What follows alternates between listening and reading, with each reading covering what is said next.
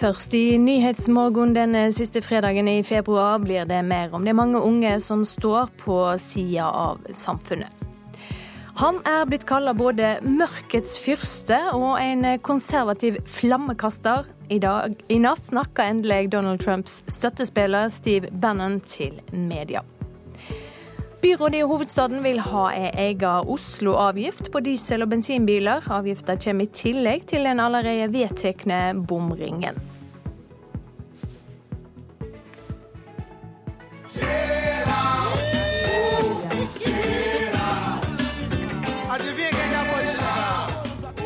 Festen starter i dag, og det er venta kring én million besøkende. Karnevalet gjør livet verdt å leve, sier en vi har møtt i Rio.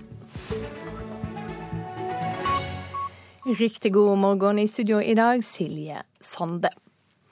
Om lag én av ti unge voksne har kortkje jobb eller utdanning. Det syner tall fra Utdanningsdirektoratet. Både samfunnet og de unge det gjelder, taper enormt på dette, mener forskere. Det å få tak i jobb kan være veldig vanskelig hvis man ikke har kvalifikasjoner, er noe jeg har skjønt. Mange, det er veldig vanskelig å få den første jobben, har jeg inntrykk av. Hvor viktig tror du det er med utdannelse? Jeg tror det er veldig viktig. Jeg tror det er mye lettere å få jobb etter eh, hvis du er ferdig med utdannelse. 20-åringene vi møter er allerede kjent med hvor vanskelig det kan være å få seg jobb. Jeg vet jo om mange på min alder som ikke har hatt noe jobb før. Eh, som kanskje har lite arbeidserfaring. Det, jeg, det blir jo mer og mer viktig, da, tenker jeg. Ekstra vanskelig kan det være å få jobb om du ikke har fullført videregående skole. Ifølge tall fra Utdanningsdirektoratet fra 2015 står om lag 10% av unge mellom 17 og 25 år utenfor utdanning og uten jobb. Det utgjør mer enn 55 000 personer. De har ikke fullført videregående, studerer ikke og har heller ikke jobb. Så konsekvensene for den enkelte er jo veldig alvorlig. Sier Anne Hege Strand i Fafo. Hun har forska på unge som faller utenfor, og sier årsaka ofte er feil valg av linje på videregående, mangel på lærlingplasser, men også en vanskelig oppvekst og problemer med helsa. Altså De fleste har jo ikke, i tillegg til å skaffe seg en inntekt, legger jo også mye av identiteten sin i en jobb, og man har jo ofte et sosialt liv knytta opp mot en, en jobb. I tillegg så er det jo ekstra trist når unge faller tidlig utafor. Fordi hvis man blir gående mange år helt fram til da man potensielt skulle ha gått av med pensjon og ikke har vært i arbeid i det hele tatt, så har jo samfunnet også tapt veldig store ressurser. Så det er jo sløseri med, med, samfunnets ressurser, og selvfølgelig veldig trist for den enkelte. Hvis du dropper ut av skolen, hvis du tidlig står utenfor arbeidsmarkedet, ikke har noe å gjøre, så er sjansen stor for at du havner på en av de dårlige statistikkene. Kunnskapsminister Torbjørn Røe Isaksen er bekymra. Eh, havne på Nav, havne på sosialkontoret, eh, etter hvert kanskje til og med blir, blir ufør og syk. Ifølge Utdanningsdirektoratets tall har andelen unge uten utdanning og uten jobb økt sakte, men sikkert de siste par åra. Vi, vi, må både ha bedre tiltak for å hindre frafall i skolen, men minst like viktig er det med tidlig innsats. For vi vet at hvis vi skal hindre dette problemet for stadig nye generasjoner, så må vi starte tidlig. Hvorfor tror dere det er så vanskelig for unge å få seg jobb? Eh, det er fordi det er ikke nok arbeidsplasser. Og man vil ha folk med erfaring, og det er stor konkurranse. Reportere Andreas Krantz og Marit Gjelland.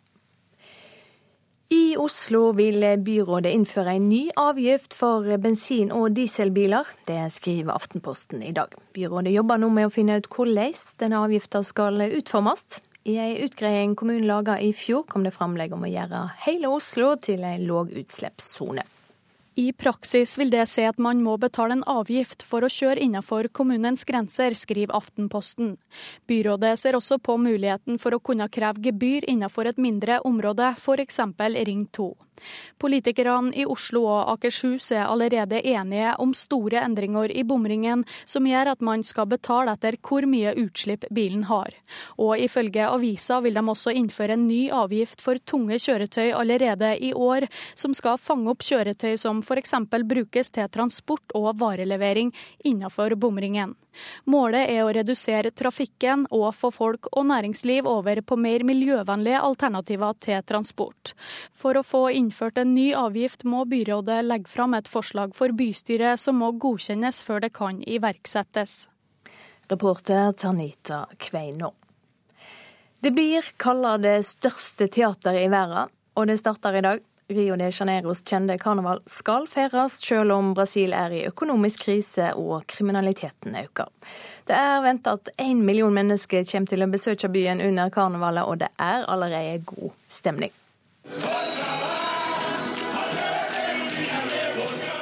Jeg er på ensayo technico, generalprøve på Rio de Janeiros sambastadion.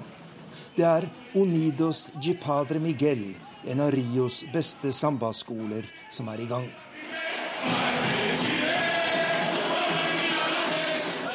Mer enn 3000 dansere og musikere fra en fattig forstad i Rio lager en sydende stemning på Sambastadion, eller Sambodromen. Unidos de Padre Miguel er en av de tolv skolene som utgjør elitegruppa under karnevalsparadene natt til mandag og tirsdag. Og selv om dette bare er en prøve, er det tusener av mennesker på tribunene. Karneval og fotball er alt for meg, sier den 78 år gamle Osvaldo da Silva Filho. Det er det som gjør livet verdt å leve. Det er så mange problemer her i Brasil, med korrupte politikere, fattigdom og vold. Men når karnevalet starter, glemmer vi alt dette og gleder oss over dansen og musikken. Dette er selve hjertet i den brasilianske kulturen, sier 78-åringen.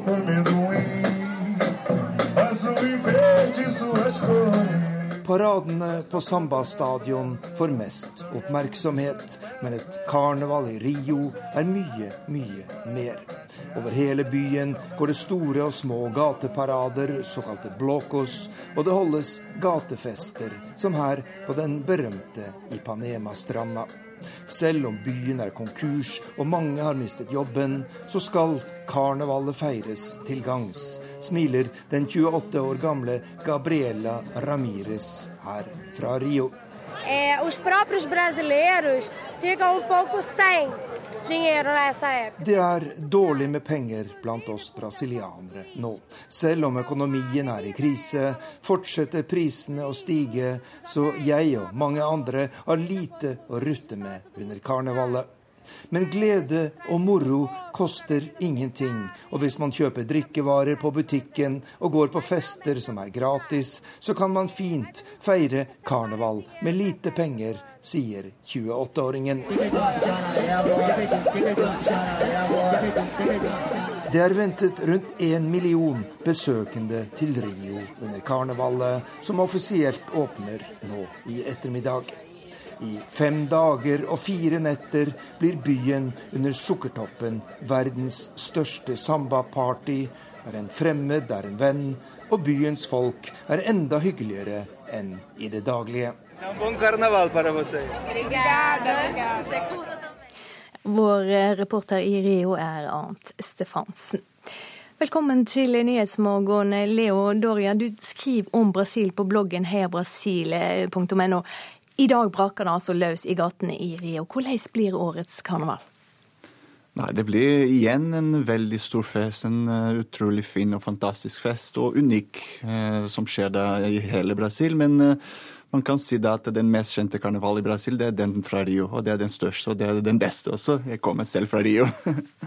Hva betyr karnevalet for folk i Brasil? Det betyr betyr veldig mye. Som vi hørte der i den reportasjen, så er det sånn at uh, både fattige og rike de får da mulighet til å gå ut på gatene og feire sammen.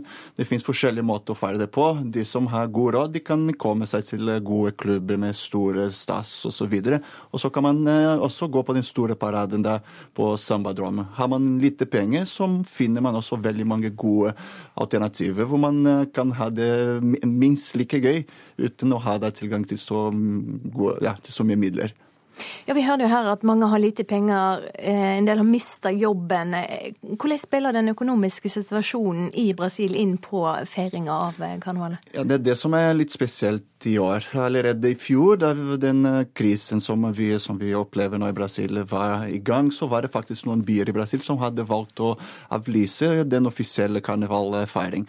Men, eh, men, vi ser da at i Rio i hvert fall, og så mange andre byer i Brasil, kommer det til å gå uansett. Det, vi opplever også en en periode der med litt politisk usikkerhet. Så det er veldig mye sånn utenfor den, den feiring ja, som, som, kan påvirke måte, hvordan man skal forholde seg til det. Men det er også da en måte som vi sier, da, for brasilianere å bare glemme hverdagen og så feire i fem dager, eller kanskje litt mer. Det er mange som feirer i flere dager. Uh, og så for å ha det gøy og rett og slett få litt av brekk fra den tøffe hverdagen som brasilianerne har opplevd i det siste. Du, Karnevalet er jo glitter og stas. Hvordan blir det finansiert? Det er forskjellige måter avhengig av hvordan man skal feire. Det er selvfølgelig en stor industri også, og det er en stor uh, inntektskilde også for byene. Så hovedsakelig de store festene er tilrettelagt for turister der, og det er da det offentlige som betaler. Men det finnes veldig mange private arrangementer, og, og, og som sagt tidligere også, så det finnes også steder hvor man kan bare sette på litt musikk, drikke litt og ha det minst like gøy. Og da er det gratis. Men vi har hørt om mye ball i Brasil i det siste. Hvordan er tryggingssituasjonen under årets karneval? Ja, Den økonomiske krisen den har også påvirket eh, spesielt sikkerhetsaspektet i Brasil. Det er også, politistyrker som har vært eh, i uh, streik. Men uh, nå virker det som om ting er litt mer på plass, i hvert fall uh, nå under karneval. Man vet at det er en sånn spesiell periode med mm, ja, muligheter for mye rart. Sånn at politiet er på plass, og så hæren også er blitt tatt inn i den sikkerhetssystemet altså for de ulike byene.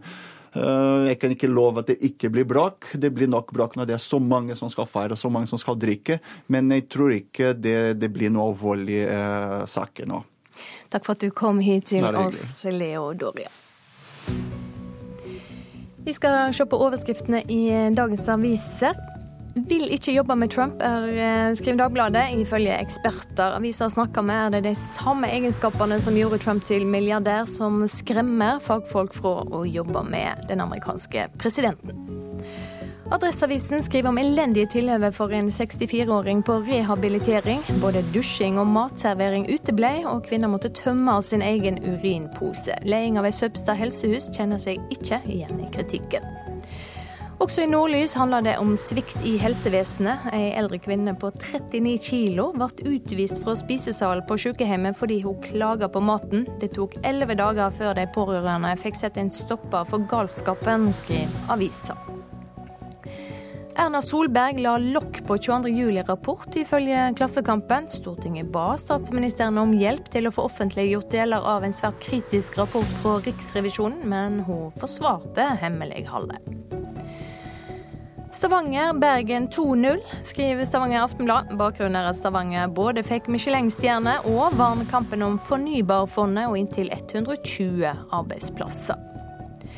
Verneombud Anders Johnsen har sjekka byggeplasser i Oslo i snart ti år, og blir mer og mer skremt. Til Dagsavisen forteller han om polsk og litauisk mafia og MC-klubber som hvitvasker penger i byggebransjen. Bjørn Dæhlie og Åge Skinstad skal bygge 170 feriehus og hytter, skriver Finansavisen. De to har planer om å selge for 500 millioner kroner på Sjusjøen. Hotellene får ikke tak i nok arbeidskraft i Norge, kan Bergens Tidende fortelle. Nye hotell i bergensområdet har flere hundre arbeidsplasser, men sliter med å finne arbeidstakere her i landet. Sentrale tillitsvalgte i Frp sier kontant nei til bønerom på norske skoler. I Danmark støtter sosialdemokratene høyresida sitt krav om forbud, forteller Vårt Land.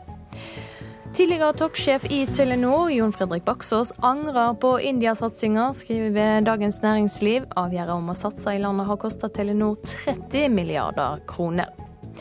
Og gulljenter skriver VG om Maiken Falla, som gikk inn til VM-gull i Lahti etter en natt uten søvn. Hun var helt rå, sier kjæresten hennes.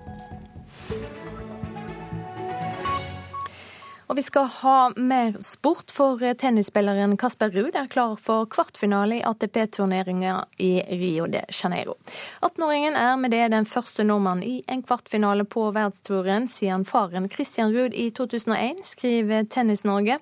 Han imponerte stort, og han vant mot grusspesialisten Roberto Carballes Baena i natt, norsk tid. Setta enda 6-7, 6-4 og 7-6. Marit Bjørgen skuffa seg sjøl på VM-sprinten i går. Nå vil hun bruke irritasjonen fra åpningsdagen til å gå fort under resten av eh, VM. Jeg kjenner jo å bli irritert, jeg gjør det. Men jeg håper det kan bare tenne meg videre. Ja, For det er det man skal ha nå, en irritert Bjørgen inn mot helgen? Ja, det er det.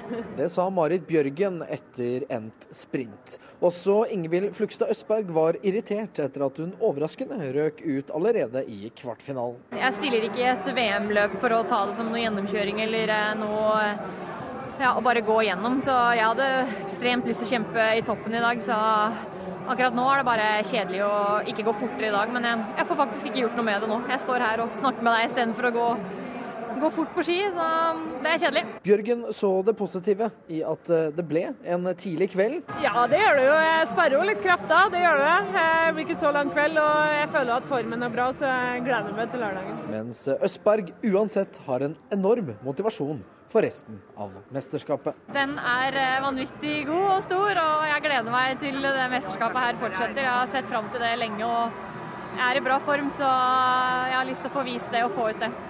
Reporter Patrick Steen Rolands.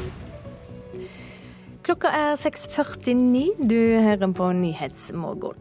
Halvbroren til Nord-Koreas leder ble drept med nervegift, ifølge politiet i Malaysia. Én av ti unge voksne her i landet har kanskje jobb eller utdanning. Og byrådet i hovedstaden vil ha ei egen Oslo-avgift på diesel- og bensinbiler.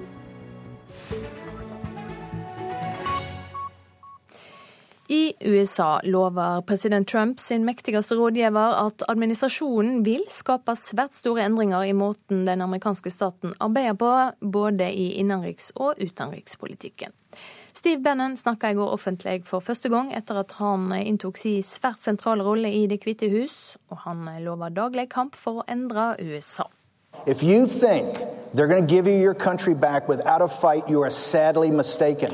Every day, every day it is going to be a fight, and that is what I'm proudest about Donald Trump. Hvis dere tror vi skal gi USA tilbake uten kamp, tar dere feil. Hver eneste dag skal vi kjempe for Donald Trumps agenda.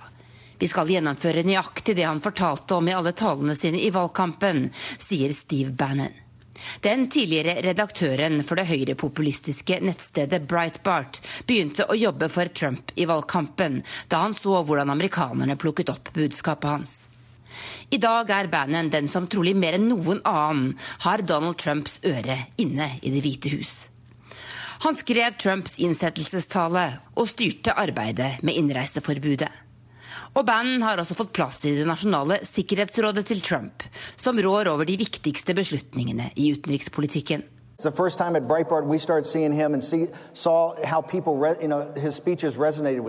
Steve Bannon har imidlertid holdt seg unna mikrofonene siden president Trump tiltrådte. Fram til han i går snakket til den store konservative konferansen CPAC her i Washington. They're corporatist, globalist media that are adamantly opposed, adamantly opposed to an economic nationalist agenda like Donald Trump has. Den korporative, globaliserte pressen er grunnleggende motstandere av den økonomiske nasjonalismen til president Trump, sa Bannon. Han blir selv sett på som både nasjonalist og høyrepopulist. I går sa han at han er aller mest opptatt av økonomisk nasjonalisme, og at USA f.eks. vil trekke seg ut av den store frihandelsavtalen med Asia. Bann har tidligere selv kalt seg lederen for den såkalte alt-right-bevegelsen her i USA. Den er anklaget for å fremme en agenda som er både rasistisk, kvinnefiendtlig og antisemittisk. Derfor vakte det stor oppstandelse da Bannon fikk en så sentral rolle i Det hvite hus. Derfra lover han nå å lede USA til store forandringer gjennom Donald Trump. Ikke minst ved å fjerne reguleringer og gjøre store endringer i måten den amerikanske staten er organisert på. Tove Bjørgaas, Washington.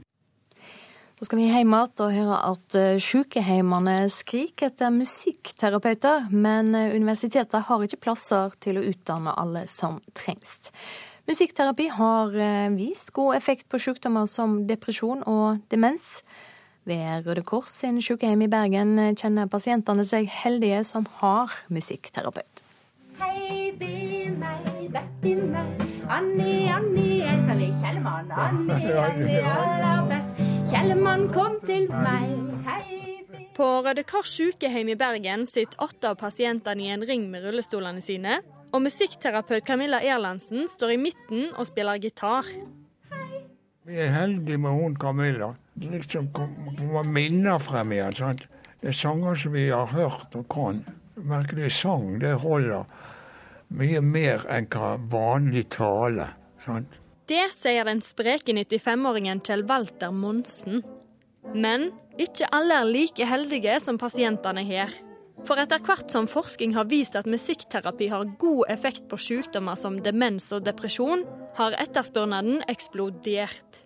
Jeg har 174 pasienter her jeg prøver å nå rundt, og det er allerede litt, litt kort. det er altfor få musikkterapeuter til at det blir nok kvalitet i det, og til at det blir rettferdig fordelt til brukerne. Det forteller professor Brynjulf Stige ved Grieg-akademiet.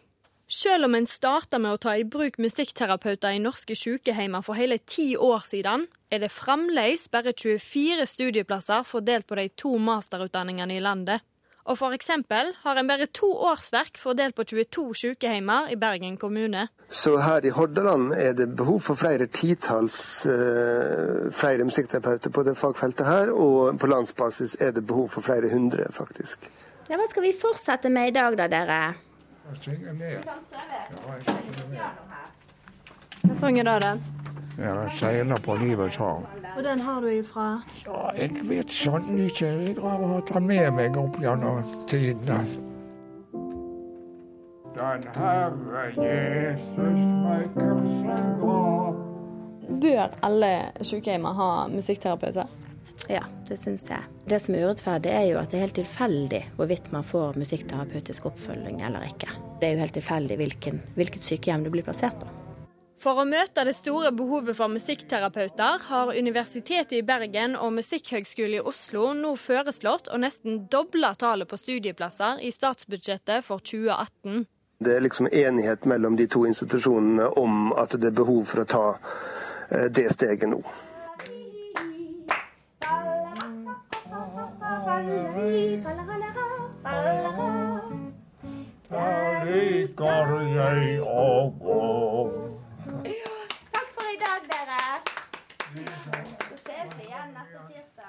Reporter her, det var Mai Helen Rolfsnes.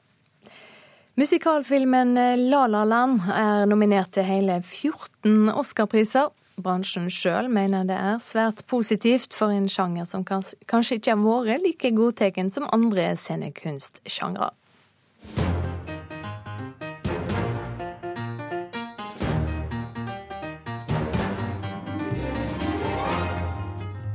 Jeg er helt overbevist om at det kommer til å påvirke musikalsjangeren på en positiv måte. Det sier Atle Halstensen i produksjonsselskapet Sene Kvelder. La La Land er nemlig Oscar-favoritt med hele 14 nominasjoner. Dette er et historisk høyt tall som bare deles med filmene Titanic og All About Eve. Sjangeren er i ferd med å bli stueren også hos de beste utøverne. Se på skuespillerne som nå fronter disse filmene. Det, I sum så gir dette en, en positiv uh, utvikling for, for musikalsjangeren.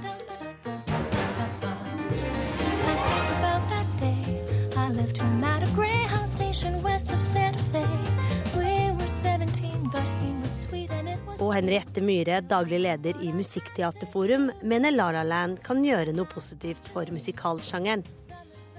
Altså, La La Land kan jo også bidra med til å spre sjangeren ut til nye grupper, eh, som kanskje ikke ville gått på, på, en musikal på teater. Kanskje det er lettere å gå inn i kinoen eh, og se en film. Tendensen nå er at man ser at folk begynner å ta det seriøst. Bransjen selv begynner å ta det seriøst, og alle rundt begynner også å ta det seriøst. Reporter her, det var Mari Sandmalm, og Oscar-utdelinga den er natt til mandag norsk tid. Vi skal ha et eh, værvarsel nå. Sør- og Østlandet får nordvest frisk bris utsatte steder. Fint vær. Også nordvestlig frisk bris og mye fint vær i fjellet i Sør-Norge, men nord for Finse kan det komme enkelte snøbyger i vestlige fjelltrakter. På Vestlandet sør for eh, Stad er det venta nordlig periodevis liten kuling på kysten. Om kvelden minkende vind. Stort sett fint vær også her, men enkelte snøbyger nord for Sognefjorden og ytst langs kysten. Møre og Romsdal og Trøndelag får nord- og nordvest periodevis stiv kuling utsatte steder, men om kvelden minkende vind. Snøbyger kan hende med torevær på kysten. I Nord-Norge er det venta nordlig periodevis kuling på kysten. Sterkest i Nordland med sterk kuling først på dagen. Kraftige snøbyger, særlig i ytre strøk. Det er venta lite nedbør i Øst-Finnmark og på vidda.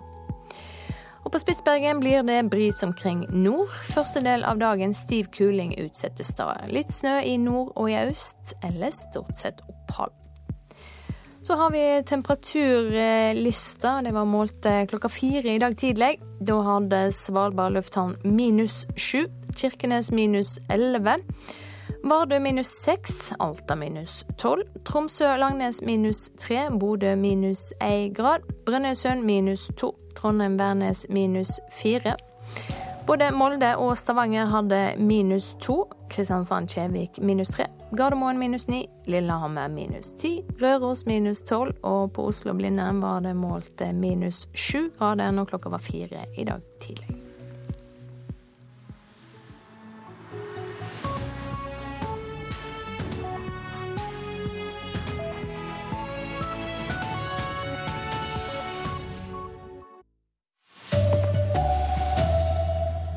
Nå er det rift om boligene i nabokommunene til Oslo. Rådgiveren til Trump, Steve Bannon, har snakket offentlig for første gang. Her er NRK Dagsnytt klokka sju. At trykket i boligmarkedet er i ferd med å flyttes fra Oslo til nabokommunene. Det opplever eiendomsmeglere etter at nye regler har gjort det tøffere å få boliglån i hovedstaden. Daglig leder Katarina Nakken i Aktiv eiendomsmegling på Lillestrøm merker at noe har skjedd med det lokale boligmarkedet. Trøkk før visning, privatvisninger, kupping som vi kaller det, av budrunder. Ekstremt gode priser, spesielt på leiligheter. Og flere mener de nye lånereglene som ble innført ved nyttår, nå har slått inn i boligmarkedet. Sånn som vi kan se det nå, så ser det ut som at eh, den prisveksten, den kraftige vi har hatt i Oslo, nå flytter seg ut til nærkommunene rundt. Sier Grete Meier, administrerende direktør i Privatmegleren. I den nye forskriften stilles det strengere krav for å låne penger i Oslo enn i resten av landet. Særlig for de som vil kjøpe en bolig nummer to eller tre. Så de går nå ut og investerer i randsonene rundt, eller nærkommunene, og det er de som blir vinnerne av denne boliglånsforskriften. Reporter Sindre Heierdal. I USA lover president Trumps mektigste rådgiver store endringer i måten den amerikanske staten arbeider på, både i innenriks- og utenrikspolitikken. Steve Bannon snakket i går offentlig for første gang etter at han inntok sin sentrale rolle i Det hvite hus.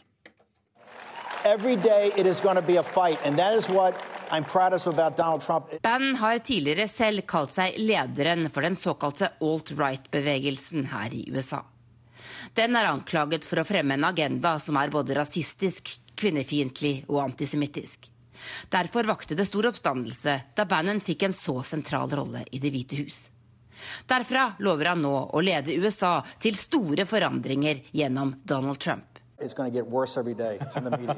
Ikke minst ved å fjerne reguleringer og gjøre store endringer i måten den amerikanske staten er organisert på. Sa USA-korrespondent Tove Bjørgaas. Og USA trenger flere atomvåpen, det sier eh, Donald Trump i et intervju med nyhetsbyrået Reuters. Trump mener det er nødvendig for å sikre USAs maktposisjon i verden. USA og Russland inngikk imidlertid en nedrustningsavtale i 2011. Få studenter tør å satse på oljefag ved Norges største tekniske universitet. Bare to førsteårsstudenter studerer petroleumsfag ved NTNU nå. Til sammenligning startet 60 studenter på det samme studiet i 2014, skriver Dagens Næringsliv. NRK Dagsnytt, Anders Borgen Werring.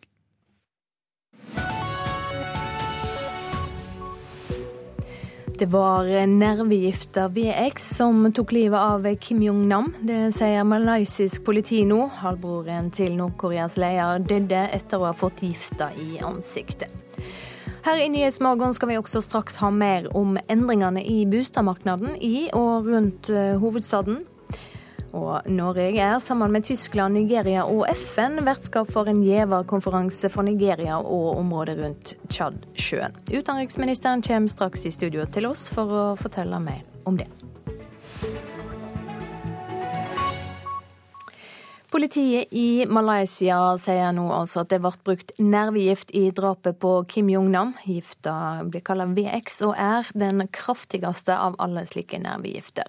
Halvbroren til den nordkoreanske lederen fikk gifta i ansiktet på flyplassen i Kuala Lumpur 13.2, eh, og Asia-korrespondent Peter Svaar i Beijing. Hva mer eh, vet vi om eh, dette giftstoffet som ble brukt? Ja, VX er verdens kraftigste nervegift, opprinnelig utviklet av Storbritannia etter annen verdenskrig. Dette er en gift klassifisert som et masseødeleggelsesvåpen, som Storbritannia, Russland, USA tidligere har hatt store lagre av. De har blitt gradvis distruert uh, i tråd med uh, det forbudet mot kjemiske våpen som uh, har blitt ratifisert i FN siden 90-tallet. det at et så kraftig giftstoff er brukt, peker jo nå tydelig mot at det er en statlig aktør som står bak denne likvideringen. Nord-Korea antas for øvrig å ha både lagre av kjemiske våpen og kapasitet til å produsere dem, inkludert eh, VX. Men det er trolig første gang denne nervegiften er brukt til en likvidering på denne måten, der én dråpe mindre enn et knappenålshode er nok til å drepe et menneske dersom man får hudkontakt. Dersom VX er så giftig, hvordan kunne de to kvinnene som smurte det i ansiktet på mannen, overleve? Det er et veldig interessant spørsmål som det nå spekuleres eh, ganske intenst i. Malay malaysisk politi påpekte jo i går at disse to jentene sprang på badet, eh, for, eller på toalettet for å vaske hendene rett etterpå. Det viser eh, overvåkingsbildene. Politiet mener det viser at disse to var klar over at de var i kontakt med et veldig giftig stoff. Men VX er også en gift som kan oppbevares som to ulike, relativt ufarlige komponenter, og som først blir dødelig når disse to blandes. Og En teori er at disse to jentene hadde hvert sitt reagen smurt på hendene, og at da selve nervegiften nærmest ble dannet da de smurte disse stoffene i ansiktet på Kim Jong-nam. Er det kommet reaksjoner fra Nord-Korea på disse opplysningene om funn av nervegass? Nei, men Nord-Korea hevder jo også at hele denne etterforskningen nå bare er en politisk farse, og at uh, dette er noe som Sør-Korea og USA nå står bak i ledtog med malaysisk sikkerhetspoliti for å sverte Nord-Korea i en internasjonal konspirasjon. Eh, Nord-Koreas diplomat i Malaysia nekter jo for at mannen som er død, er Kim Jong-uns halvbror, og mener dette dreier seg om en nordkoreansk eh, borger med diplomatisk immunitet som heter Kim Chul. Det er det navnet som står i passet hans, men som malaysisk politi mener bare var et eh, dekknavn. Men igjen så peker jo da bruken av eh, et masseødeleggelsesvåpen, en så kraftig gift, på, eh, mot at det må være en statlig aktør som står bak. Det har vært spekulasjoner diskusjoner eh, rundt eh, spillegjeld f.eks. Kim Jong-nam bodde jo i Kinas svar på Las Vegas, Macao.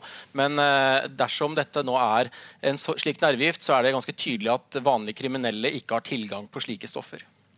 Takk skal du ha, Asia-korrespondent Peter Svaar med fra Beijing. Trykket på boligmarkedet er i ferd med å bli flytta ut fra Oslo og til nabokommunene. Det forteller eiendomsmeklere etter at nye regler har gjort det tøffere å få boliglån i hovedstaden. Og nå kaster investorene seg over husene som ligger like utenfor eh, Oslo-grensa. Hallo, er du klar for uh, privatvisningen i kveld? Snart. Er det litt rydding å gjøre? Daglig leder Katarina Nakken i Aktiv eiendomsmegling på Lillestrøm gir telefonisk støtte til nok en boligselger med prisforventninger. For nå merker megleren at boligtrykket er vel så stort rett utenfor Oslo-grensa. Det siste uke hadde jeg en eh, visning på en toroms i Oslo som eh, bemerkelig nok ikke gikk etter første visning. Ikke et bud. Mens eh, visningene her i Akershus har gått unna som vanlig. Og flere mener de nye lånereglene som ble innført ved nyttår, nå har slått inn i boligmarkedet. Ja, sånn som vi kan se det nå, så ser det ut som at eh, den prisveksten, den kraftige vi har hatt i Oslo, nå flytter seg ut til nærkommunene rundt. Sier Grete Meier, administrerende direktør i Privatmegleren. I den nye forskriften stilles det strengere krav for å låne penger i Oslo enn i resten av landet. Særlig for de som vil kjøpe en bolig nummer to eller tre. Og privatmegleren ser at mange da heller investerer på den andre siden av bygrensa. Og vi hadde et eksempel forrige uke. Da hadde en av meglerne våre en ettroms leilighet på Romerike. Der var det 13 interessenter. Alle bor i Oslo. Innenfor Ring 3 til og med. Så de går nå ut og investerer i randsonene rundt, eller nærkommunene. Og det er de som blir vinnerne av denne boliglånsforskriften. Mens områder som Lillestrøm, Kolbotn og Sandvika vinner, opplever Meyer synkende interesse i Oslo. Det er færre som kommer på visning. Det er færre som nå deltar på budfronten. Og vi opplever også at eh, det ikke er like stor tendens til dette med å prøve å kuppe boliger. Komme seg inn før eh, den legges ut i det åpne markedet. Det andre vi merker, er at det er enda færre oppdrag ute for salg. Og vi ser at vi begynner å få en mer stillstand nå, og det er noe av det vi er aller mest redd for. At aktivitetsnivået skal gå ytterligere ned. Økonomiprofessor Steinar Holden påpeker at dersom lånereglene nå demper Oslo-prisene, kan effekten bli selvforsterkende. Hvis, det, hvis, dette bidrar til at boligprisene dempes, så, så, kan det også få en sterkere effekt enn bare den direkte effekten av de som da ikke får lån. Men på Lillestrøm går telefonene varme. I eh, januar og hittils har det vært eh, veldig trøkk trøkk før visning, folk vil inn. Privatvisninger, kupping, som vi kaller det, av budrunder. Mer enn den der aggressiviteten som vi har hatt når vi har solgt Oslo-eiendommer kontra Akershus og Romerike. Og de får flere besøk fra hovedstadens småinvestorer. Vi merker mange småinvestorer, både på brukt og på nybygg. Det er høyt trykk. Det er eh, flere som kanskje vil kjøpe uten å se boligen i tillegg. Det blir ekstremt gode priser, spesielt på leiligheter hvor du kan leie ut. Reporter Sindre Heierdal. Med meg i studio nå, sjefanalytiker i Nordea Markets, Erik Bruse. Hvor viktig kan denne bostadlånsinstruksen vise seg å bli for eh, boligmarkedet? Ja, hensikten var jo å dempe utviklingen i Oslo. Eh, og hvis vi skal tro de rapportene her, så, så virker det. Eh, det blir vanskeligere å få lån til sekundærbolig i Oslo. Og det kan også være at forventningene nå til prisutviklingen i Oslo har dempet seg, og da, da, er det færre som vil kjøpe på spekulasjon. Altså på mange av de som kjøper sekundærboliger, vil jeg tro kjøper for å oppnå en prisgevinst. Så det kan se ut som dette her virker, i den forstand at, eh, at det blir mer dempet i Oslo. Men det er klart, da flytter mange ut og kjøper bolig i, rett utenfor Oslo som ikke har samme krav til, til egenkapital. Er det overraskende at reaksjonen kommer så raskt på disse nye reglene? Ja, jeg vil gjerne se tallene for Oslo før jeg konkluderer med at dette her er, er fulle bildet. Eh, det eh, jeg tror nok en del av sekundærboligkjøpene er foreldre som kjøper til barna, og mange av de har jo egenkapital i egen bolig, så jeg skal ikke tro at det slo så hardt for de. Eh, men vi skal også huske at det har skjedd noen andre ting som, eh, på boligmarkedet som kan ramme Oslo. Altså, eh, Disse nye reglene for sekundærbolig er én ting, men vi skal huske at boligkjøpere nå kan ikke låne mer enn fem ganger inntekten. og Det rammer særlig de dyre boligene. I Oslo har vi veldig mange dyre boliger. Så det kan være at den regelen rammer Oslo spesielt hardt, siden vi har mange dyre boliger. Og det kan også være at Eller bankene har fått krav om og avviker fra kravene bare 8% i Oslo mot 10 i resten av landet. Så det kan også være at bankene, for de som kjøper sin første bolig, eh, også har blitt strammere. Så, så, det er en del ting som skjer som, som gjør at vi er veldig usikre på hvor, hvor hardt det slår. og skal vi tro rapportene, så, så, slår det ganske hardt. Men var det dette som var målet, å flytte trykket utenfor bygrensene? Ja, det vil jeg si. Det, det var det man måtte regne med, iallfall. Hvis du vil dempe presset i Oslo, så, så, må du regne med at uh, en av effektene er at det blir større press utenfor Oslo. Hvor viktig vil du si at boligmarkedet er for å holde liv i norsk økonomi? Ja, Det er veldig viktig for øyeblikket. Eh, en av grunnene til at det går bra i norsk økonomi, er at boligprisene stiger, og boligbyggingen stiger mye. Så hvis boligprisene skulle begynne å falle, så i den situasjonen vi er nå, så, så blir det veldig vanskelig for norsk økonomi. Takk for at du kom hit til oss, eh, sjefanalytiker i Nordea Markets, Erik Bruse. Og Da går døra opp. Håvard Grønli kommer inn om en halvtime. Er du programleder for Politisk kvarter? Det er jeg. Bare finne ut hva vi skal snakke om først. Eh, jo da, vi er klare nå. Vi skal snakke videre om kommune- og regionreformen i Politisk kvarter i dag. Det finnes en god del spørsmål å stille til KrF, som mener at det er helt greit å tvinge gjennom nye regioner, men ikke nye kommuner. KrF og Arbeiderpartiet møter hverandre om dette i Politisk kvarter. Om en halvtimes tid, programleder Håvard Grønli. Klokka er eh, straks 7.14. Du hører på Nyhetsmorgen.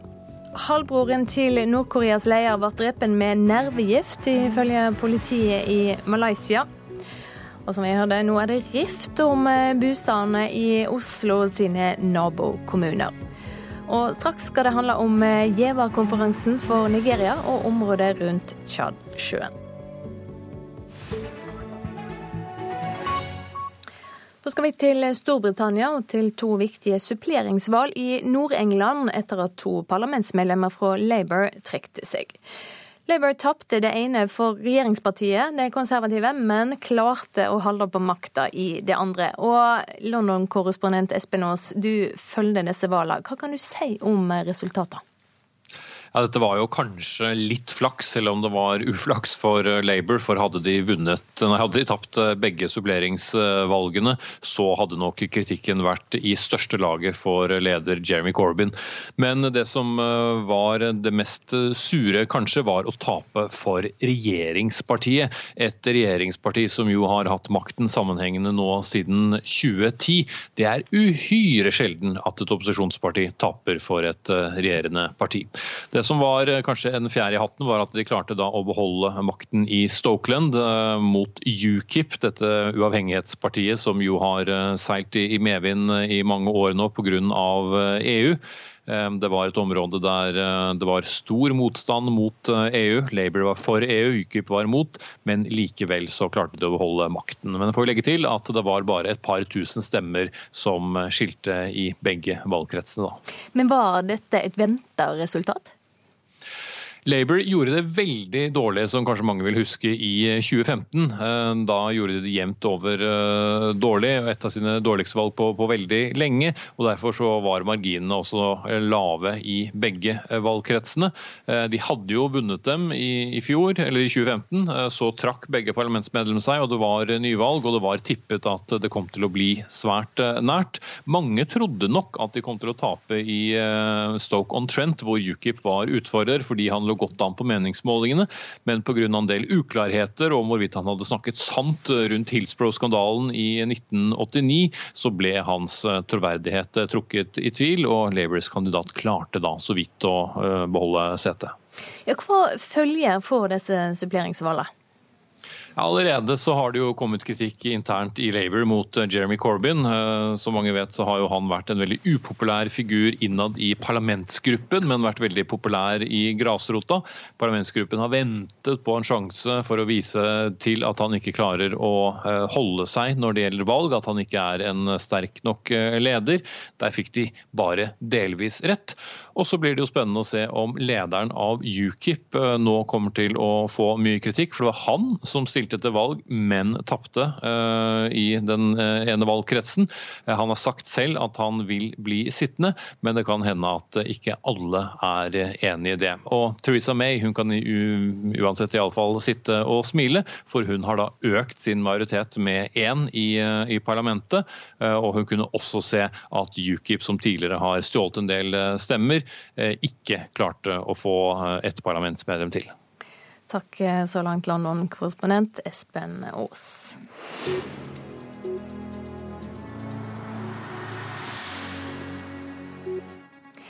I dag så starter giverkonferansen for Nigeria og området rundt Tsjadsjøen. Norge er sammen med Tyskland, Nigeria og FN vertskap for en, eh, denne konferansen. Og utenriksminister Børge Brende, god morgen. God morgen, god morgen. Hvordan vil du se at det er i Nigeria og i området rundt eh, Tsjadsjøen nå?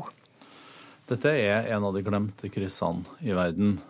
Først og fremst er jo området ramma av at denne terrororganisasjonen Boko Haram har herja eh, i lang tid. Og det har jo ført til at mange folk måtte ha flykta fra boligene sine. Og det er en stor eh, kan du si, flyktningekrise også i området. Og det er ti eh, millioner mennesker som hver dag har behov for humanitær hjelp, og mange av dem får det ikke. Norge er altså med å arrangere denne konferansen. Hva er målet?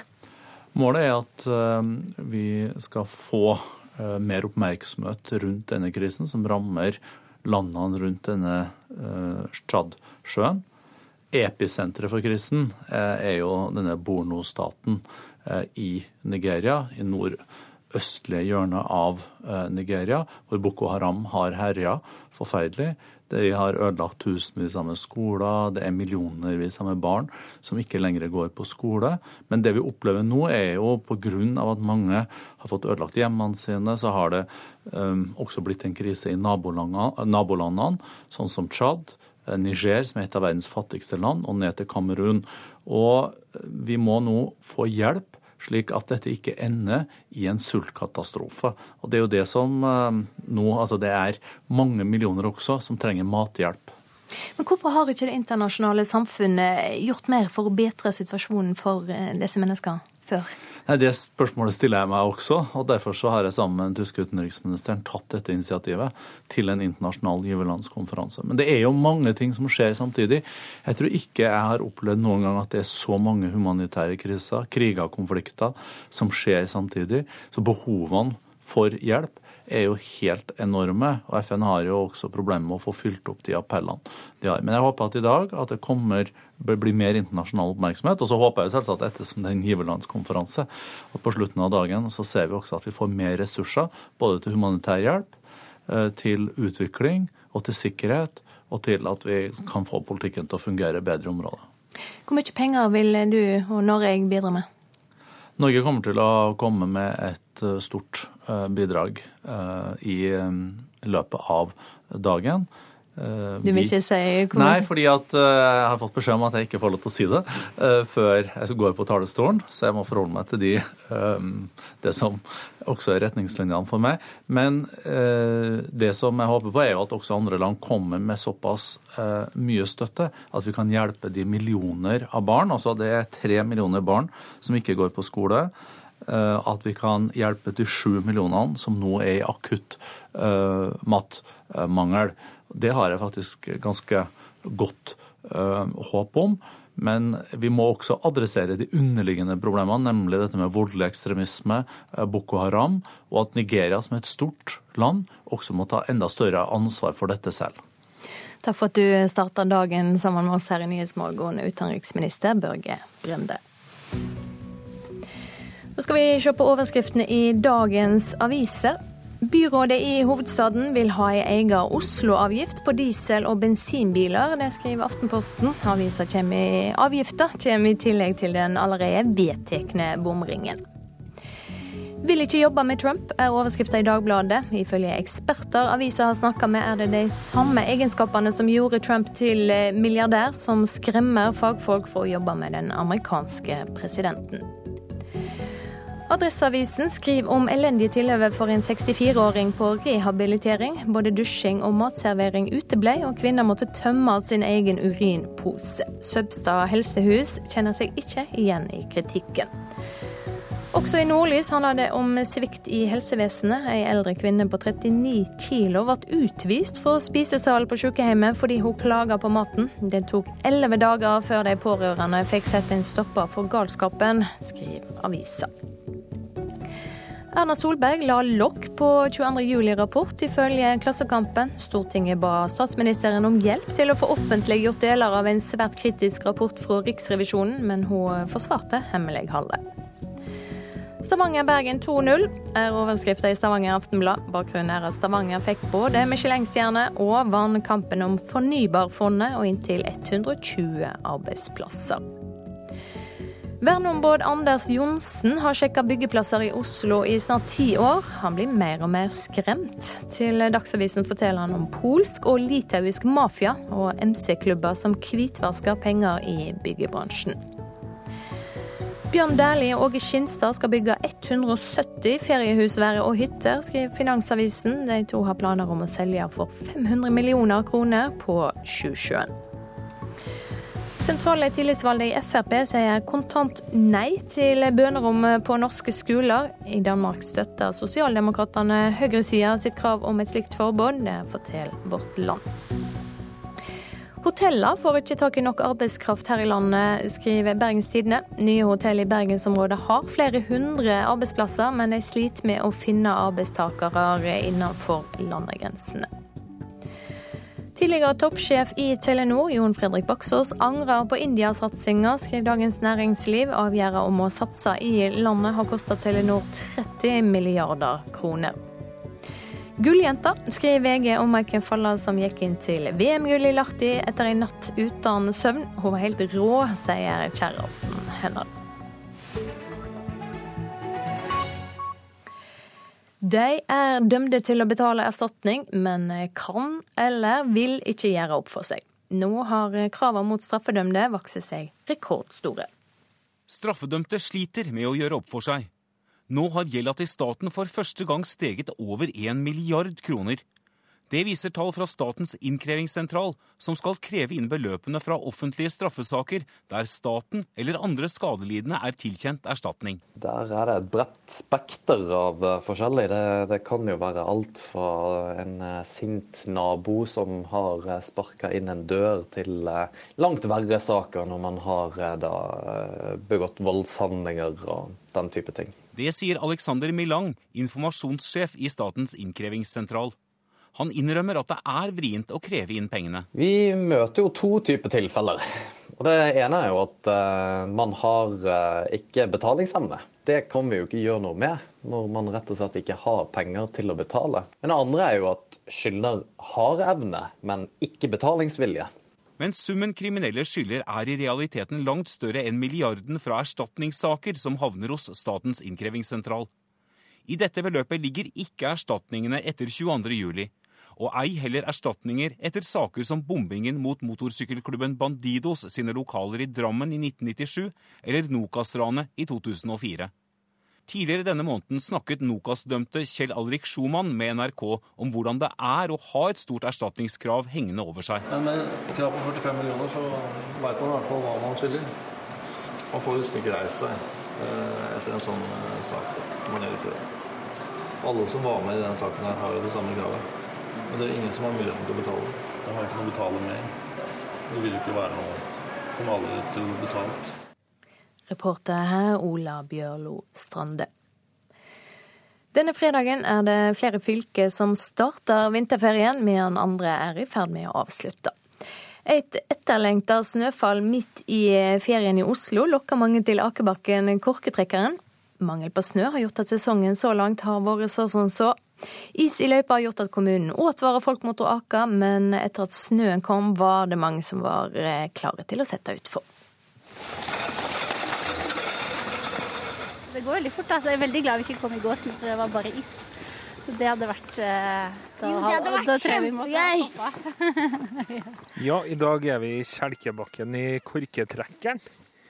Og da er det vel bare å sette utfor. Ned den bratte bakken, ned den bratte bakken, suser du og jeg. Familien Nodland Milne er blant de mange som tar vinterferien i Akebakken. Gikk det fort? Ja, veldig. Du syns ikke det var skummelt, da? Nei, det var ikke skummelt. Nei, Det syns jeg. Er det vinterferietur til Korketrekkeren? Ja, det er det. Så nå skulle vi ha en så skikkelig gøy dag med hele familien. Er det mest eh, de små som syns det er gøy, eller er det morsomt for mor og far òg? det, er, det er morsomt for alle. Det er ikke, det er ikke noen eh, bare på banen. og mor òg? Ja, det er kjempegøy. Det er ikke bare de lokale som nyter vintersola i korketrekkeren. Dan Bailey Taylor og søstrene Charlotte og Catherine Topham har tatt turen til Norge for å oppleve nettopp vinteren. Uh, we're here on holiday this week. Um, so yesterday we went skiing and today we're on the sledge run. I går var det skitur, og i dag aking med kjelke. Den britiske familien sier den engelske vinteren ikke er mye å skryte av, som er grunnen til at de reiser hit for å oppleve Norge. It's really nice to be in the snow though, because at home we don't get it very often. Um, beautiful. The the landscape around is is phenomenal. It's fantastic. It's definitely different to England. Do you know how it is uh, like in England uh, today? Uh, rain, rain and rain. Så var vi nede ved Midtstuen, med helsa i god behold. Herfra tar man T-banen opp de sju stoppene til Frognerseteren, før man sitter utfor igjen. Togfører Fredrik Rognerud merker mye til pågangen. Ja, merker det med en gang. Det er jo eh, mange flere som går på, spesielt på Midtstuen. Så står det køvis med folk skal inn, og så går det her. Du blir ikke frista sjøl når du ser så mye folk med kjelker? jeg gjør det. Blir det, skjønner du. Får prøve igjen når jeg har fri, da, vet. Ta en tur til helga? Ja, kanskje det.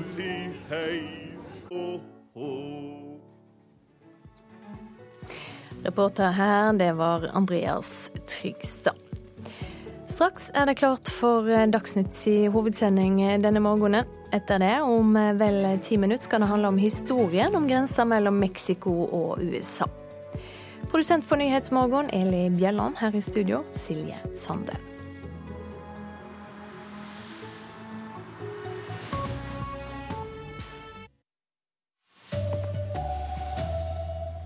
Presset på boliger øker utenfor Oslo etter strengere låneregler i hovedstaden.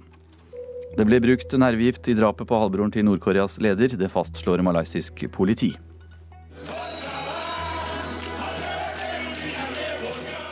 Ja, verdens største sambaparty starter i dag. Her er NRK Dagsnytt, klokka er 7.30. Trykket i boligmarkedet er i ferd med å flyttes fra Oslo til nabokommunene. Det opplever eiendomsmeglere etter at nye regler har gjort det tøffere å få boliglån i hovedstaden. Nå kaster investorene seg over husene like utenfor Oslo-grensa. Hallo, er du klar for uh, privatvisningen i kveld? Daglig leder Katarina Nakken i Aktiv eiendomsmegling på Lillestrøm gir telefonisk støtte til nok en boligselger med prisforventninger. For nå merker megleren at boligtrykket er vel så stort rett utenfor Oslo-grensa. Det siste uke hadde jeg en eh, visning på en toroms i Oslo som eh, bemerkelig nok ikke gikk etter første visning. Ikke et bud. Mens eh, visningene her i Akershus har gått unna som vanlig. Trøkk før visning, privatvisninger, kupping som vi kaller det, av budrunder. Ekstremt gode priser, spesielt på leiligheter. Og flere mener de nye lånereglene som ble innført ved nyttår, nå har slått inn i boligmarkedet. Ja, sånn som vi kan se det nå, så ser det ut som at eh, den prisveksten, den kraftige vi har hatt i Oslo, nå flytter seg ut til nærkommunene rundt. Sier Grete Meier, administrerende direktør i Privatmegleren. I den nye forskriften stilles det strengere krav for å låne penger i Oslo enn i resten av landet. Særlig for de som vil kjøpe en bolig nummer to eller tre. Så de går nå ut og investerer i randsonene rundt, eller nærkommunene, og det er de som blir vinnerne av denne boliglånsforskriften. Men i Oslo opplever privatmeglere nå stikk motsatt effekt. Det er færre som kommer på visning, det er færre som nå deltar på budfronten. Reporter Sindre Heierdal. Malaysisk politi sier det ble brukt nervegift i drapet på Kim Jong-nam. Halvbroren til den nordkoreanske lederen fikk dette i ansiktet på flyplassen i Kuala Lumpur 13.2. Giften blir kalt VX og er den kraftigste av alle nervegifter, forteller Asia-korrespondent Peter Svår. Ja, VX er verdens kraftigste nervegift, opprinnelig utviklet av Storbritannia etter annen verdenskrig. Dette er en gift klassifisert som et masseødeleggelsesvåpen, som Storbritannia, Russland USA tidligere har hatt store lagre av. De har blitt gradvis distruert uh, i tråd med uh, det forbudet mot kjemiske våpen som uh, har blitt ratifisert i FN siden 90-tallet. det at et så kraftig giftstoff er brukt, peker jo nå tydelig mot at det er en statlig aktør som står bak denne likvideringen. Nord-Korea antas for øvrig å ha både lagre av kjemiske våpen og kapasitet til å produsere dem, inkludert eh, VX. Men det er trolig første gang denne nervegiften er brukt til en likvidering på denne måten, der én dråpe mindre enn et knappenålshode er nok til å drepe et menneske dersom man får hudkontakt. Nye uttalelser fra president Donald Trump vekker oppsikt. Han har tidligere kritisert EU i harde ordelag og støttet britenes utmeldelse av unionen. Nå sier han at han er tilhenger av EU. Han vil også ha mer atomvåpen. Det er i et stort intervju med Reuters eh, som blir publisert nå på morgenkvisten at president Trump sier dette. Det han sier er at eh, USA han ønsker en verden med få atomvåpen, men at USA falt tilbake i sin atomvåpenkapasitet, og at han er bekymret for at andre eh, atommakter skal, skal, ta igjen eh, USA når det gjelder atomvåpen. Dette rimer eh, vel dårlig med nedrustningsavtalen som USA og Russland inngikk i 2011? Det gjør det, og det rimer også dårlig med ting som Trump selv har sagt tidligere om, eh, om atomvåpen. Han har ikke vært en som ønsker å ruste opp akkurat på, på det feltet. Eh, men vi har jo hørt tidligere fra Trump at han, han kommer med ulike uttalelser. Eh, så her handler det tydeligvis om en bekymring eh, for altså, hvordan USA ligger an i forhold til, til andre land, om, de, om han mener de følger nedrustningsavtaler. Donald Trump har eh, tidligere kritisert EU, eh, e men eh, i går så kom han med helt andre uttalelser. Hva var det han sa? Han sier at han er fullstendig for EU, at han syns EU er fantastisk, og at så lenge EU-landene er fornøyde, så er han for EU.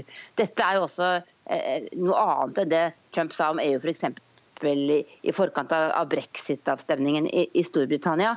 Men i dette intervjuet så uttalte han seg om en rekke utenrikspolitiske politiske saker. Og, og, det kan jo også være at Trump nå tenker Han har jo ønsket at f.eks. europeiske land skal, skal, betale mer i forhold til Nato og, og, ta en større rolle, og at han ser at, at EU samlet må ta den rollen, og, og ikke enkeltland. Det sa USA-korrespondent Tove Bjørgaas. Kunnskapsminister Torbjørn Røe Isaksen er bekymret for at mange unge verken jobber eller går på skole. Ifølge tall fra Utdanningsdirektoratet fra 2015 står om lag 10% av unge mellom 17 og 25 år uten utdanning og jobb. Og det utgjør mer enn 55 000 personer. Jeg vil si at det, det svikter på mange måter i, i alle ledd. Eh, fordi at eh, For det første så har, har, jo veldig mange av disse rett og slett ikke fått de, de, verktøyene de skal gjennom skolegangen sin. Og så har de begynt på en videregående utdanning som de kanskje ikke mestrer. Ofte en yrkesutdanning som kanskje er for teoritung, for lite relevant. Eh, et arbeidsliv som da ikke lenger er åpent for folk uten formell kvalifikasjon, f.eks. et fagbrev. Og så hevner det da ofte etter en periode hvor man kanskje snur døgnet og Eh, og, og, bryter egentlig med, med, med, alle normer og regler for samfunnet rundt på den måten, over i Nav-systemet, hvor det igjen ofte tar altfor lang tid før du kommer over i tiltak, før det blir stilt krav til deg og før du får aktivitet. Tennisprofil Kasper Ruud vant sin største seier i karrieren i natt. Den norske 18-åringen tok seg til kvartfinale i ATP-turneringen i Brasil etter å ha slått Roberto Carbaez Baena. Litt uh, tom for ord akkurat nå. Jeg vet ikke helt hva jeg skal si. Det var en sliten og glad Kasper Ruud som møtte verdenspressen etter en sensasjonell seier i den gjeve ATP 500-turneringen i Rio de Janeiro i natt. 18-åringen fra Snarøya er videre til kvartfinale i den prestisjefulle grusturneringen etter nattens seier mot spanske Roberto Carballas Baena. Ruud slo til slutt Baena i tiebreak, og settene endte 6-7, 6-4 og 7-6. Honestly, I thought it was a great match, great tennis. Uh... Jeg syns det var en god kamp og et bra tennisnivå. Jeg kjente motstanderen litt fra før av etter å ha trent med han i Spania og visste det ville bli en tøff kamp. Selv om jeg hadde mange sjanser jeg ikke klarte å utnytte, fortsatte jeg å kjempe og klarte det til slutt, fortalte nordmannen til internasjonal presse etter kampen. Kasper Ruud er første nordmann i en kvartfinale på verdenstoren siden faren Christian Ruud i 2001, skriver Tennis Norge. Nå håper han å komme enda lenger i turneringen. Jeg håper på nye utfordringer selvfølgelig, og, og håper at jeg kan fortsette å gjøre det bra. Det har vært en bra start på år, og jeg skal gå for, gå for mer bra, bra seire. Reporter eh, Malin Jørnholt. Det blir eh, kalt verdens største teater, og det starter eh, i dag. Rio de Janeiros berømte karneval skal feires med brask og bram, selv om eh, Brasil er i økonomisk krise og kriminaliteten øker. En million besøkende er ventet til Rio under karnevalet, og stemningen i byen er allerede høy.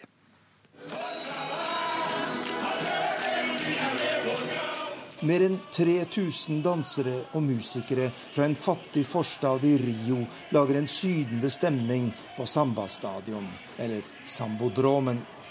Unidos de Padre Miguel er en av de tolv skolene som utgjør elitegruppa under karnevalsparadene natt til mandag og tirsdag. Og selv om dette bare er en prøve, er det tusener av mennesker på tribunene.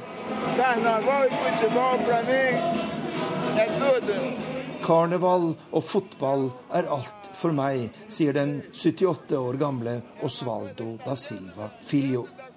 Det er det som gjør livet verdt å leve. Det er så mange problemer her i Brasil, med korrupte politikere, fattigdom og vold. Men når karnevalet starter, glemmer vi alt dette og gleder oss over dansen og musikken. Dette er selve hjertet i den brasilianske kulturen, sier 78-åringen. Det er ventet rundt én million besøkende til Rio under karnevalet, som offisielt åpner nå i ettermiddag. I fem dager og fire netter blir byen under Sukkertoppen verdens største samba-party, der en fremmed er en venn, og byens folk er enda hyggeligere enn i det daglige.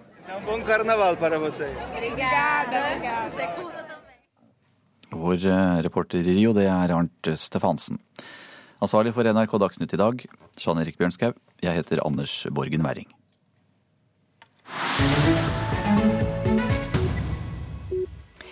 Det har vært mye snakk om eh, grensa mellom Mexico og USA etter at Donald Trump ble president. Trump holder fast på at det skal bygges en mur på grensa mellom de to landene, og at det er meksikanerne som skal betale.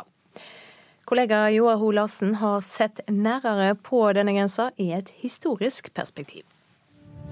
It is my conviction that holding this fort is the key to defending our colonies. As goes the Alamo, so goes Texas. Remember the Alamo, sier amerikanerne. Alamo Fort i San Antonio. Den gang lå byen i Mexico. Texanerne kjempet for sin selvstendighet, men led nederlag i kampen mot meksikanerne i 1836. Men USA vant krigen som fulgte, og Mexico måtte avstå mer enn halvparten av sitt territorium til USA. Mer enn tre millioner kvadratkilometer i nord, et område ti ganger større enn Norge. Alamo er blitt selve symbolet i USA på mot og handlekraft, patriotisme og offervilje. Mye med utgangspunkt i folkehelten Davy Crocket, som ble drept nettopp ved Alamo. Men mest på grunn av John Waynes rollefortolkning av Crocket i filmen om Alamo. Republic is one of those words that makes me tight in the throat. Same tightness a man gets when his baby takes his first step or his first baby shaves and like. I mange år var grensen en formalitet. De fleste har sett westernfilmer der det verken var mur eller passkontroll, når skumle togranere eller kvegtyver reddet seg ved å krysse grensen til Mexico. Men det skjedde mye også andre veien.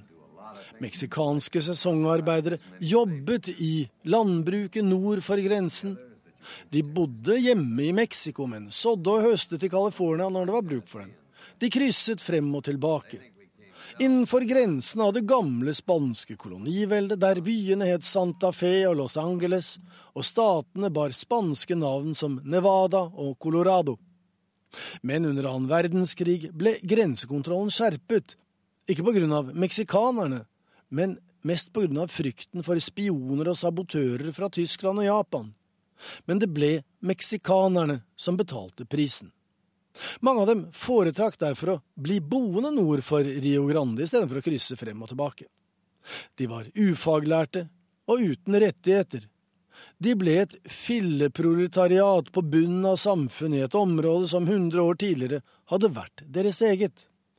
Cesar Chávez var født i Arizona, som meksikaner historisk og kulturelt, men som USA-aner juridisk og rent faktisk. Cesar dropped out of school after the eighth grade to help support his family by working in the fields.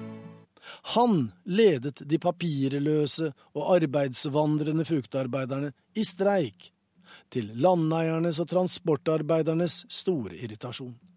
Men Chavez og fruktarbeiderne vant til slutt. De fikk både lønn og rettigheter, hvilket betydde at det ble mer attraktivt å være landarbeider i USA. De ble der derfor vinteren over, og de tok seg andre jobber, og til slutt så var det millioner av dem. Nå har Donald Trump gjort dem til et symbol på arbeidsledighet og annen elendighet. De må hjem, om så med makt, noe de protesterer mot.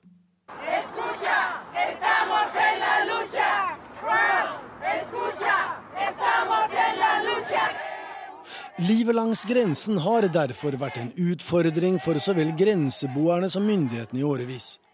Problemet er ikke av ny dato, men det er stilen, aggresjonen og retorikken. Trykket på boligmarkedet er i ferd med å bli flytta ut fra Oslo til nabokommunene. Det forteller eiendomsmeklere etter de nye reglene som har gjort det tøffere å få lån i Oslo. Halvbroren til Nord-Koreas leder ble drept med nervegift, ifølge politiet i Malaysia. Én av ti voksne her i landet har ikke jobb eller utdanning. Så mange som 55 000 unge voksne er helt utenfor utdanning og jobb. Og I dag starter giverkonferansen for Nigeria-området rundt Tsjadsjøen. Børge Brende varsla her i Nyhetsmorgen at Norge kommer til å løyve et betydelig beløp. Nå er det klart for Politisk kvarter med Håvard Grønli.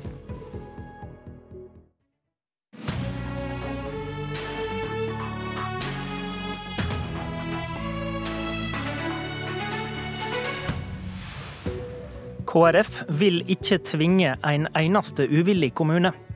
Men når de skal ha nye store regioner, da er tvang helt greit. Hvorfor det, egentlig? Og hvis det nå blir tvinga gjennom nye storregioner, hva gjør ei eventuell Ap-regjering med det? De vil jo gjerne reversere regjeringa sin politikk, men regionene er jo KrF sin baby. Og en ting er sikkert, KrF sine hjertesaker er alle forsiktige med i norsk politikk. For to dager siden skrev altså samarbeidspartiene under avtalen om kommune- og regionreform. Men som vanlig var KrF i litt tvende sinn. De eh, gikk med på reformen, men mot kommunetvang. Men de vil altså tvinge gjennom store regioner. God morgen, eh, Geir eh, Toskedal. Ja, god morgen. Du er den som forhandler kommune- og regionreformen for KrF på Stortinget. I dag er det... du med oss fra studio i Haugesund i Rogaland. Hva for en region mener du den byen ligger i om noen år?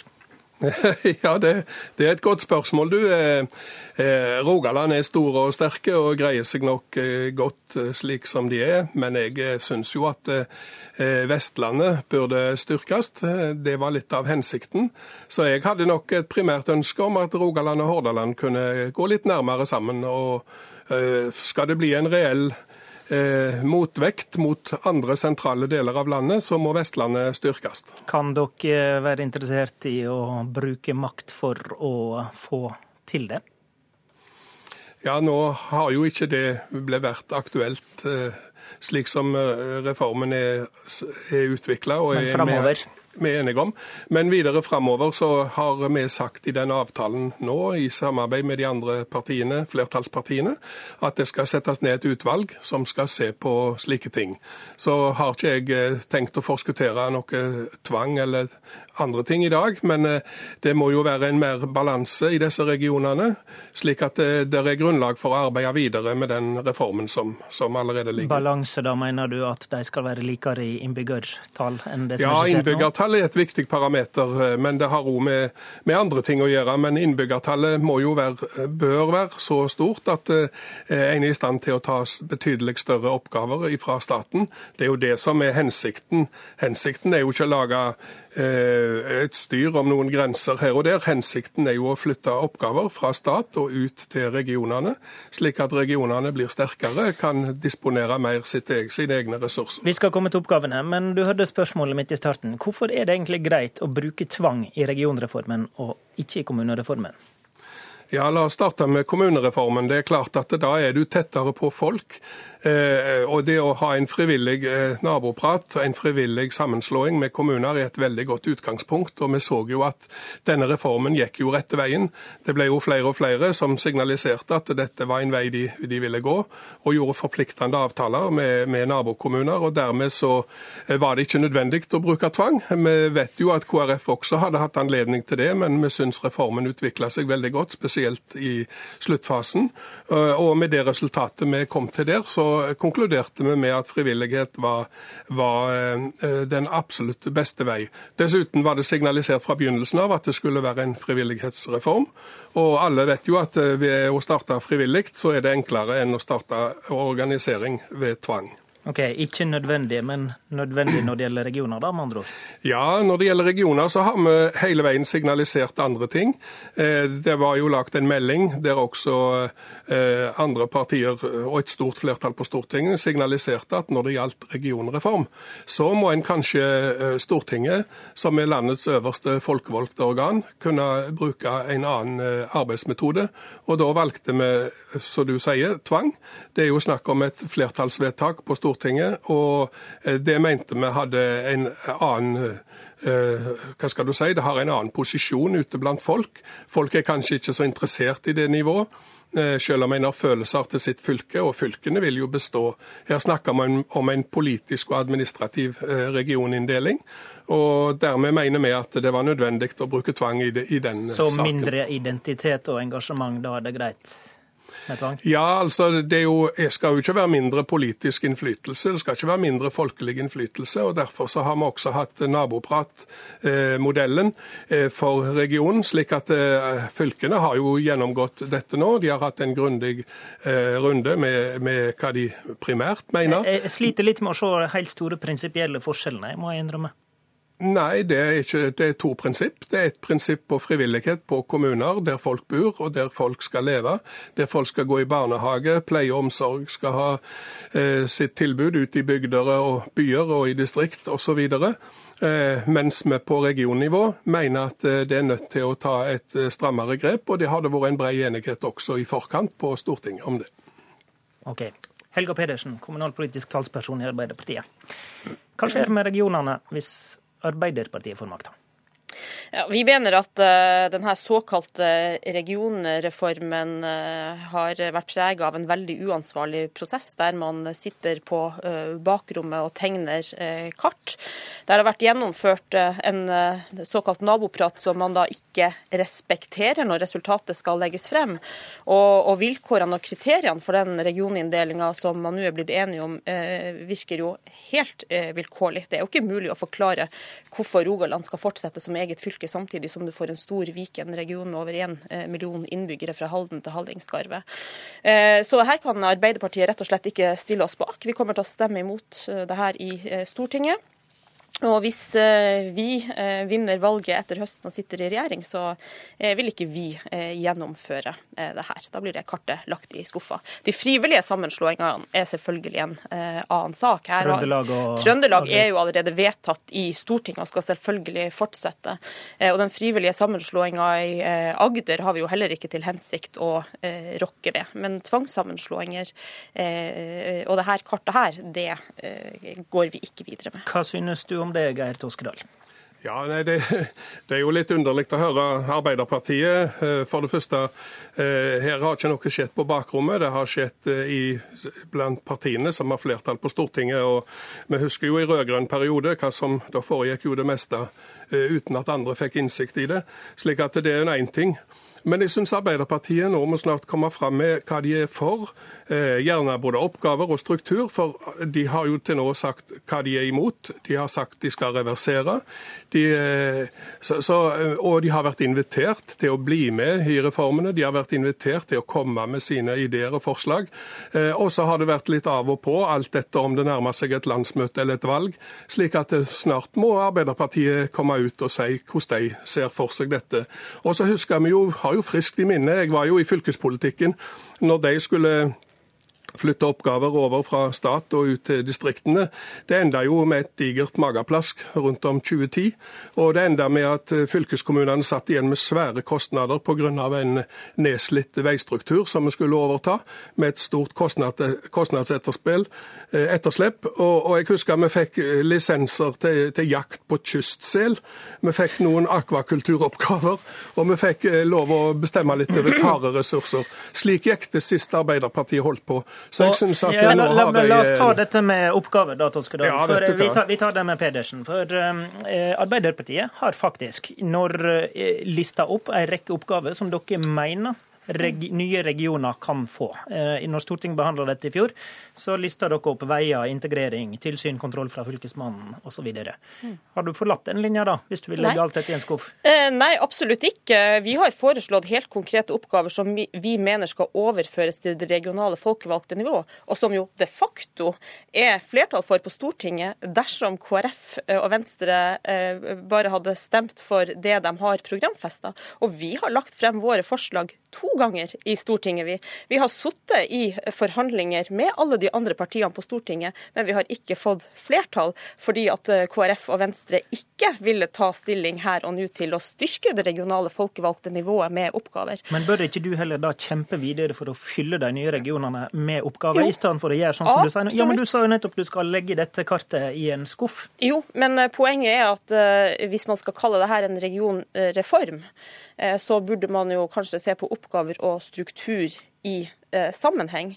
Eh, og vi skal eh, vi skal gjerne fremme våre forslag eh, til oppgaver på nytt igjen til våren. Så kan KrF og Venstre der og da eh, få ta stilling til eh, om de, og i og for seg også regjeringspartiene, ta stilling til om de vil tilføre det regionale folkevalgte nivået flere oppgaver. Men jeg har veldig liten tro på at bare du legger på plass en ny struktur, så skal oppgavene komme av seg sjøl rundt neste sving. Og jeg er jo litt overraska over at, over at sentrumspartiene ikke har lagt mer eh, makt bak kravene. Og Jeg ser jo det som er lagt frem nå, eh, som et ledd i Høyre og Fremskrittspartiet sitt mål om å legge ned det regionale folkevalgte eh, nivået, som jo de har vært veldig tydelige på at de ønsker, og som fortsatt står i deres partiprogram. Okay. Toskedal, du har jo ikke fått til at de nye regionene er fylt med særlig nye oppgaver enda. Kan det være som Pedersen sier, at dette egentlig er et steg på veien mot avvikling?